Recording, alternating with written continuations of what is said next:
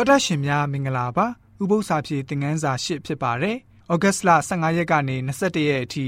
လေ့လာသွားမယ့်ဥပု္ပ္ပစာဖြည့်သင်ခန်းစာရဲ့ခေါင်းစဉ်ကြီးကတော့ယေရှုကဲ့သို့အမှုဆောင်ခြင်းဖြစ်ပါတယ်ဖတ်မဲ့ကျင့်ချက်တွေကတော့ရှမသက်ခရစ်ဝင်ခန်းကြီး9ငွေ73နဲ့14ဖိလိပ္ပိဩရစာခန်းကြီး2ငွေ15ရှမာကုခရစ်ဝင်ခန်းကြီး7ငွေ34အေဖက်ဩရစာခန်းကြီး4ငွေ15 ရှမသက်ခရစ်ဝင်ခန်းကြီး၄ငွေ23ကနေ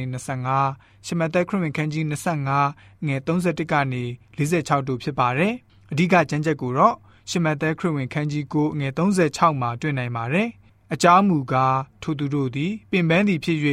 ထိန်းသူမရှိဘဲပြစ်ထားသောတိုးကဲ့သို့ဖြစ်ကြ၏ဆိုပြီးတော့ဖော်ပြထားပါတယ်။ယေရှုရှင်ဟာလူတွေကိုတနာကျင်နာယူရတော်မူပါတယ်။လိုအပ်တာထက်ပိုပြီးတော့ဂရုစိုက်တော်မူပါတယ်။ တနာချင်းကရုဏာမေတ္တာတော်နဲ့အမှုတော်ကိုလှုပ်ဆောင်တော်မူပါတယ်။ယေရှုရှင်ရဲ့အသက်တာမှာတခြားသူတွေကိုသာဦးစားပေးတဲ့အသက်တာမျိုးဖြစ်ပါတယ်။ယေရှုရှင်ဟာကိုကာယ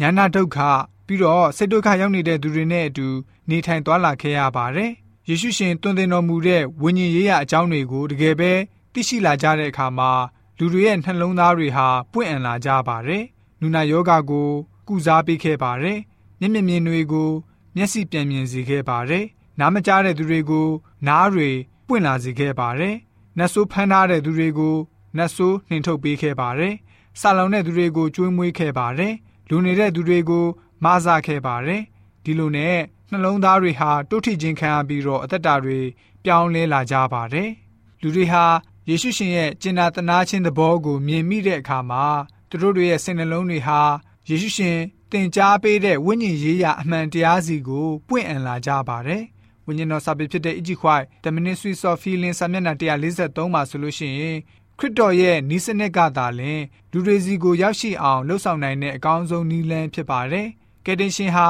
လူတွေနဲ့ရောနှောနေထိုင်ပြီးတော့သူတို့တွေရဲ့လိုအပ်သမျှကိုဖြည့်ဆည်းပေးတော်မူပါတယ်။ကရုဏာတော်ကိုပြသတော်မူပါတယ်။သူတို့တွေရဲ့လိုအပ်မှုမှန်သမျှကိုလှုပ်ဆောင်ပေးပါတယ်။ သူတို့တွေရဲ့ယုံကြည်စိတ်ချမှုကိုရယူပါတယ်။နောက်ဆုံးမှာယေရှုရှင်မိတ်တော်မူတာကတော့ငါနောက်သို့လိုက်လောဆိုတဲ့အရာပဲဖြစ်ပါတယ်ဆိုပြီးတော့ဝိညာဉ်တော်စာပေကဖော်ပြလိုထားပါတယ်။ယေရှုရှင်ဟာကဘာကြီးကိုဧဝံဂေလိသတင်းကိုကြွေးကြော်ဟောပြောပေးဖို့လိုတဲ့အကြောင်းကိုကောင်းစွာသတိပြုမိပါတယ်။ခရစ်တော်နဲ့တူညီတဲ့အသက်တာမျိုးနေထိုင်ပြသတတ်ဖို့အမှုတော်အတွက်စက္ကပ်အသက်ရှင်နိုင်ဖို့တခြားသူတွေကိုတကူပါတဲ့တသက်ခံချက်နဲ့နှုတ်ကပတ်တော်ကိုတွင်တင်ဖို့ ကျွန်တော်တို့ပြောဆိုတာတွေပေးကမ်းခြင်းတွေဟာဆိုလို့ရှိရင်ကျွန်တော်တို့ရဲ့တသက်ခံခြင်းကိုဖော်ပြပေးနေပါတယ်ဆိုပြီးတော့ဥပုံနဲ့ဥပု္ပ္ပစာဖြစ်သင်ခန်းစာကဖော်ပြထားပါတယ်။